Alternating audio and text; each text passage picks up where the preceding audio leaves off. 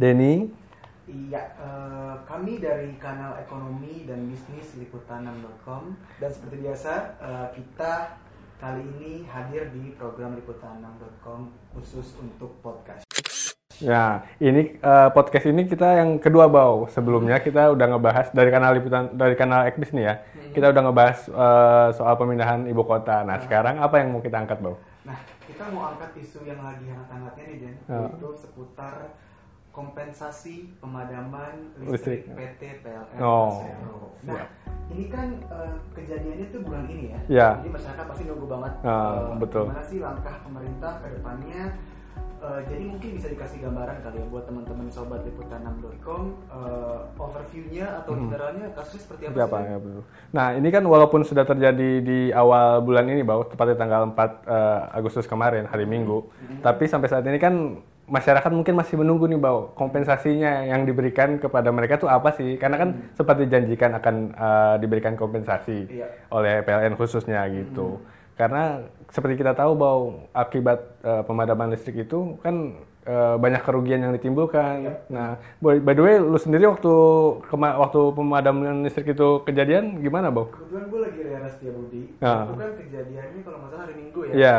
Akhirnya gua ngungsi deh Ke mana tuh? ke mall. Serius? Karena buat nyari wifi kan, buat kerjaan juga. Karena orang Jakarta kan hari Minggu kerja juga Oh, ya. iya. Everyday tuh nyari uang. Pasti gitu. kerja. Jadi kabur ke mall. Ah. Kalau lo tuh gimana? Sama, kejadiannya Ke mall kayak juga? gitu juga. Juga? Iya, karena kan kejadian siang hari. Ah, Kalau nggak salah jam tuh jam tuh, dua. iya betul. Itu lagi panas-panasnya kan. Kalau biasanya masang AC kan tiduran di rumah. Iya. Sekarang wah udah lagi Gelap mati lampu. tuh. Nah betul. Akhirnya gua ke mall juga. Oke. Sambil ya sambil cari makan siang, sambil ngadem sama ya nyari colokan lah. Dari colokan lah ya buat kerjaan Iya, ya, iya. Betul. Iya, benar juga ya. Ini di liputan nama TV juga sebetulnya sudah ditayangkan. Jadi No. ternyata bukan pelaku usaha aja yang dirugikan, Mhm. ini perorangan juga. Oh, oke. Ini bahkan warga Depok nih ya, Heri. Ya, Dia tuh bilangnya sampai susah loh nyari air bersih. betul. Sampai nyari uh, secara manual ke sumur darurat. Hmm. Jadi kebayang riuhnya, kelimpungannya masyarakat tuh seperti apa pas 9 jam mati seharian. Nah itu pasti mereka pakai eh, pompanya yang listrik, pompa air listrik. Jadi kan ot- otomatis kalau listriknya nggak ada, mereka nggak bisa ngambil air kan, nggak Oh, bisa oke. buka keran, mereka nggak keluar air gitu. Hmm. Nah tapi selain itu bau, eh, ada juga kerugian lain nih bau Hmm. yang dialami, khususnya nih diungkapkan sama komunitas konsumen Indonesia. Komunitas konsumen Heeh. Indonesia. Mereka bahkan sampai nuntut PLN bau. Oh, berapa tuh tuntutannya? Nah, tuntutannya sih soal kerugiannya. eh, kalau di yang saya yang gue lihat sih nggak kelihatan berapa jumlahnya. Tapi yang lu tahu, yang perlu lu tahu, Hmm. mereka salah satunya menuntut karena adanya kematian eh, hewan peliharaan akibat pemadaman listrik itu. Oh, hewan peliharaan. Iya. Oh.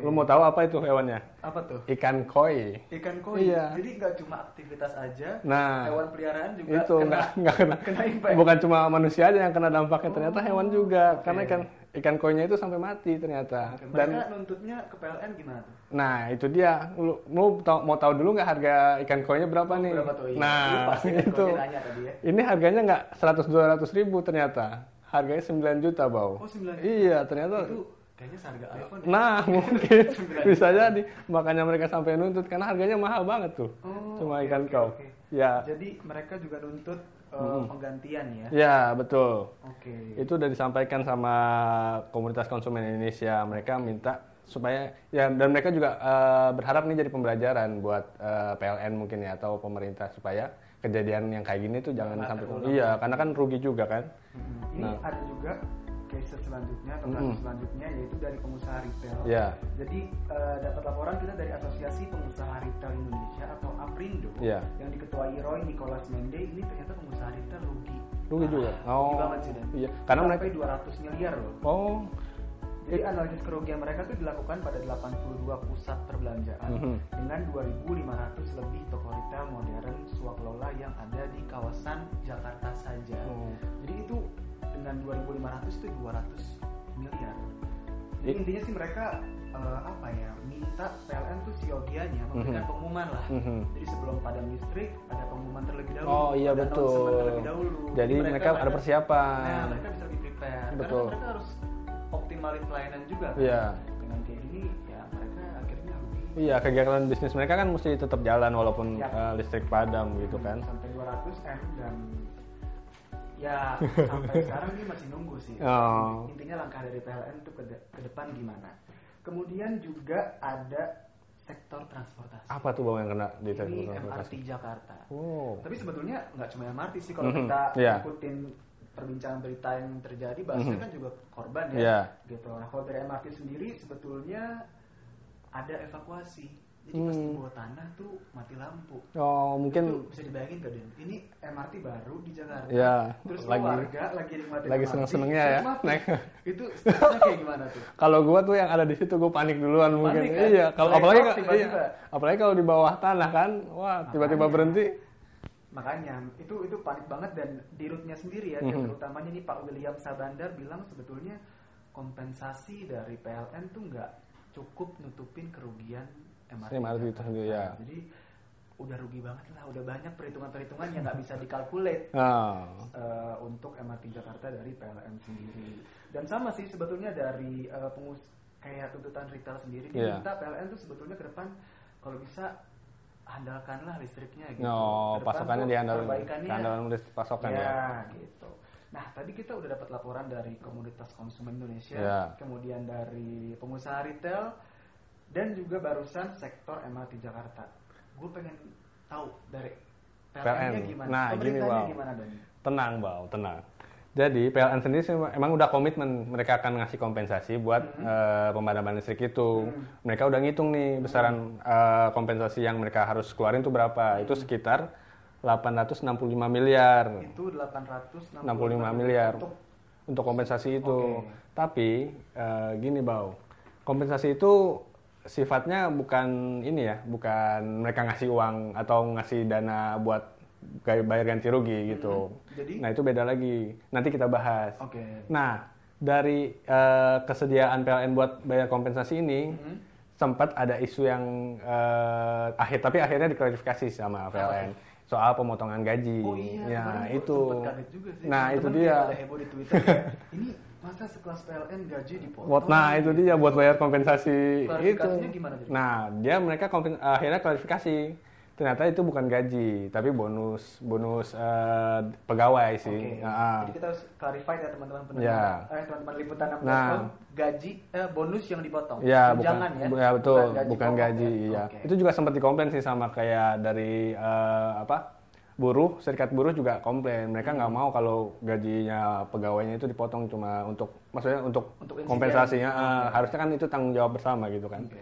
Nah, nah, lu mau tahu nggak nih? Sekarang kan eh, sudah hampir ya sebelum sebulan sih, jalan sebulan lah. ah, ah, dari tanggal 4 kemarin. Nah, PLN rencananya akan ngebayar kompensasi itu di September, bau.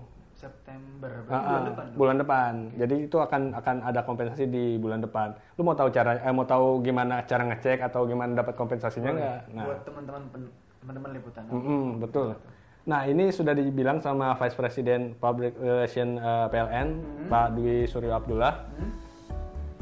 Eh, dia bilang nih, kompensasi besaran kompensasi yang akan diterima itu nanti akan dapat dilihat di tagihan rekening bulan September, bulan ya atau pada bukti pembelian token pertama setelah 1 September 2019 untuk konsumen prabayar.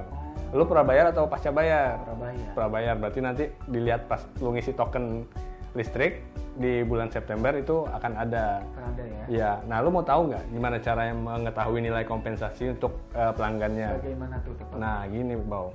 Yang pertama, lu bisa masuk ke webnya li- eh, PLN di pln.co.id. Kemudian lu klik menu, klik pelanggan, kemudian klik layanan online, lalu klik info kompensasi. Nah, di situ nanti lu masukin ID pelanggan lu dan input kode yang ada di samping. Itu kayak kode buat pengamanan gitu mungkin ya. Jadi ada ID pelanggannya juga. Mm-mm. Nah, lu masukin ID-nya itu, nah di situ nanti setelah itu akan muncul estimasi atau perkiraan nilai kompensa- kompensasi yang akan lu terima, gitu. Oh, maksudnya, ah, sorry motong ya. Iya. Kompensasinya berapa persen sih? Nah. Eh, dijelasin juga nih, kompensasi akan diberikan sebesar 35% dari biaya beban atau rekening minimum untuk konsumen golongan non subsidi, Oke. tarif penyesuaian atau adjustment. Nah, selain itu juga sebesar 20% dari biaya beban atau rekening minimum untuk konsumen pada golongan tarif yang tidak dikenakan penyelesaian tarif tenaga listrik atau non adjustment atau eh, bisa dibilang itu untuk konsumen yang eh, listrik subsidi bau. Oh, jadi ada non subsidi, ada juga subsidi ya. Mm-mm. Nah, Pak Dwi bilang juga nih, untuk kondisi normal sebenarnya kompensasi bakal di, di apa cairkan tuh Oktober. Oke. Tapi untuk kali ini mereka mempercepat pembayaran kompensasinya. Jadi Jadi jatuh di bulan September itu. depan ya, Heeh. itu baik prabayar maupun pasca bayar. Betul sekali, gitu. Wow. Oh, oke, udah clear ya. Ya, berarti kita tinggal siap-siap tunggu aja nih September dapat kompensasi ya. berapa nih. jadi gitu. semoga semuanya lancar sih deh. Ya, Mm-mm. gitu. Tadi kita udah bahas macam-macam sih, maksudnya tadi kita udah sharing experience juga Mhm. di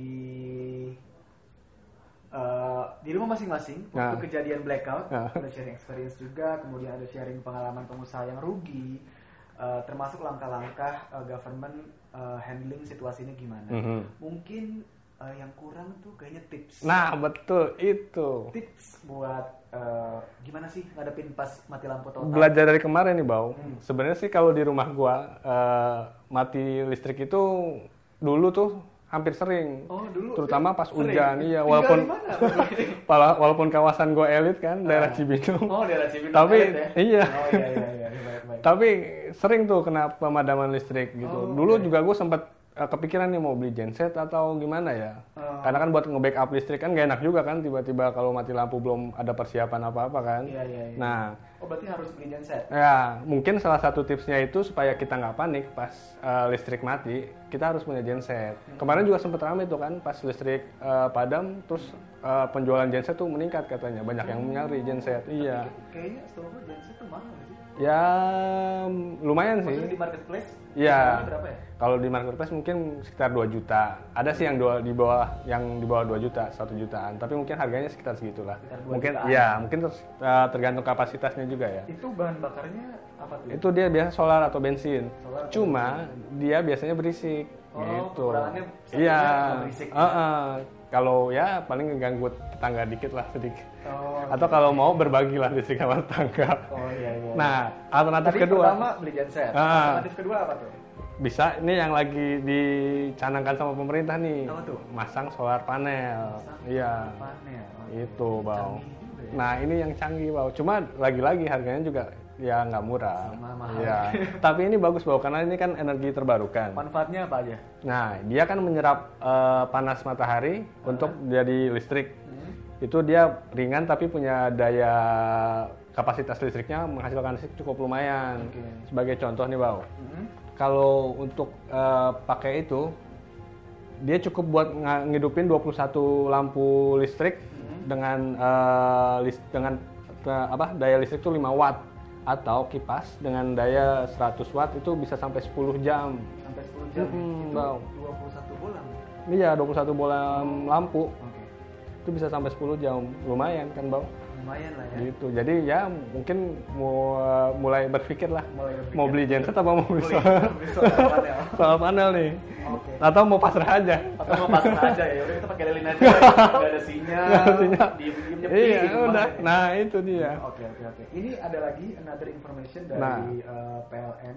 Jadi pas blackout kemarin tuh banyak banget penipuan penawaran. Mm-mm. eh, Nah, ini yang harus waspada juga nih, Bang. Benar. Jadi dari PLN Unit Induk Distribusi Jakarta Raya Mm-mm. mengimbau masyarakat supaya waspada eh, Mhm. terhadap penipuan melalui surat edaran mana pun mengatasnamakan PT PLN Persero. Jadi kan banyak banget lah modus-modus penipuan. Nah, itu hati-hati emang. Kayak nggak cuma di PLN aja, maksudnya segala lini kementerian juga banyak lah ya Iya. di, di sosmed. gitu. Jadi jangan percaya kalau ada eh, oknum yang mengatasnamakan PLN tuh mereka apa menawarkan untuk sewa genset atau jual beli genset Iya. karena PLN sendiri nggak memastikan mereka nggak melakukan itu Iya, gitu. Jadi hati-hatilah. Hati-hati lah. Siap. Harapan kita sih semoga eh, kejadian itu nggak kejadian Oh lagi iya ya. sih harapan ya. Iya. sih harapan kita buat pemerintah atau ya buat Indonesia lah khususnya jangan sampai kejadian lagi yang Nah. rugi. Cuma orang Jawa Barat sih orang Betul. Kalaupun memang harus ada pemadaman, ya paling nggak dikasih tahu dulu lah, biar Iya. masyarakatnya juga eh, bisa persiapan kan. benar-benar. Ya. Oke, sekian sih eh, dari eh, Cukup. kami. Gini aja nih. Oke. Semoga eh, memberikan insight yang baru Amin. dan terus-teruslah dengar podcast dari Liputan. Nah, banyak podcast podcast podcast menarik nantinya. Iya banyak lah. Siap. isu-isu Banyak isu-isu yang akan dibahas. Siap. Siap. Oke, eh, saya Bono Saya Denny. dan kami pamit. Dadah. See you. See you.